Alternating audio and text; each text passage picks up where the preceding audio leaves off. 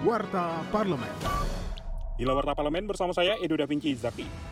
Anggota Komisi 4 DPR RI Johan Rosihan berpendapat kenaikan harga pangan hingga migas menunjukkan bahwa tata kelola pasar digerakkan oleh paradigma pasar bebas atau liberalisme. Padahal menurutnya konstitusi secara tegas menyatakan bahwa perekonomian disusun sebagai usaha bersama berdasar atas asas kekeluargaan. Untuk itu politisi PKS tersebut menekankan agar pemerintah segera memperbaiki mekanisme pasar dan lebih berpihak pada kepentingan ekonomi domestik. Tegasnya pemerintah tidak boleh kalah dan takluk pada kekuatan pasar.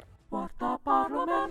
Dalam rapat dengar pendapat dengan Ketua Komisi Pengawas Persaingan Usaha atau KPPU dan Ketua Badan Perlindungan Konsumen Nasional atau BPKN, anggota Komisi 6 DPR RI Darmadi Durianto meminta kedua lembaga itu tegas dalam mengawasi masalah predatory pricing yang dilakukan oleh e-commerce.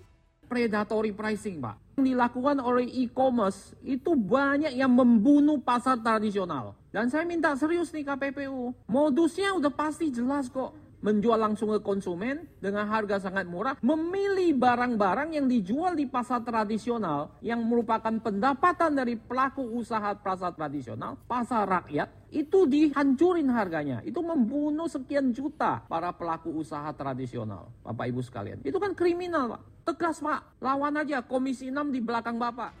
Kinerja Wakil Rakyat simak di media sosial DPR RI.